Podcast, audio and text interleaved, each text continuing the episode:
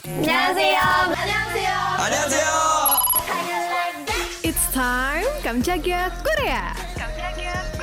안녕하세요. Udah masuk bulan Maret nih Sobat Medio. Drama baru pastinya sudah seliweran. Salah satunya drakor berjudul Pandora, Beneath the Paradise. 난 15년 동안 기억을 잃었어.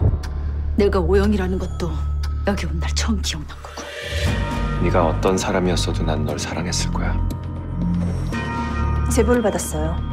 제 아버지 살해 사건과 관계 있는 사람. yang bakal tayang pada 11 Maret mendatang. Singkatnya, drama ini nyeritain kisah seseorang yang melakukan balas dendam setelah ingatan masa lalu kelamnya kembali. Ditulis sama Kim Sun Ok, penulis dari drama The Penthouse yang dibintangi Lee Ji Ah. Pastinya makin ciamik karena didukung sutradara Choi Yong Hun yang udah berkarir selama 10 tahun lebih. Tahu nggak, ada cuplikan lewat teasernya yang bikin salfok nih. Setelah muncul di drama Taxi Driver, kini Madam Lim ada di drama Pandora juga. Auranya badas banget, walaupun cuma sepersekian detik. Kalau detailnya, jadi series ini main leadnya Lee Ji Ah sebagai Hong Tera, perempuan yang hidupnya hancur saat ingatan masa lalunya kembali. Lawan mainnya ada Lee Sang Yoon sebagai Pyu Jae Hyun, suami Tera pimpinan perusahaan bernama Hutch yang berhubungan dengan Bong Tae-kyu. Sebagai Ko Sung Chan, direktur dari pusat riset perusahaan Hutch. Banyak juga nih teori dari netizen kalau alur drama ini mirip sama Penthouse, sama-sama bikin greget gara-gara penulisnya sama. Wah, semoga enggak ya.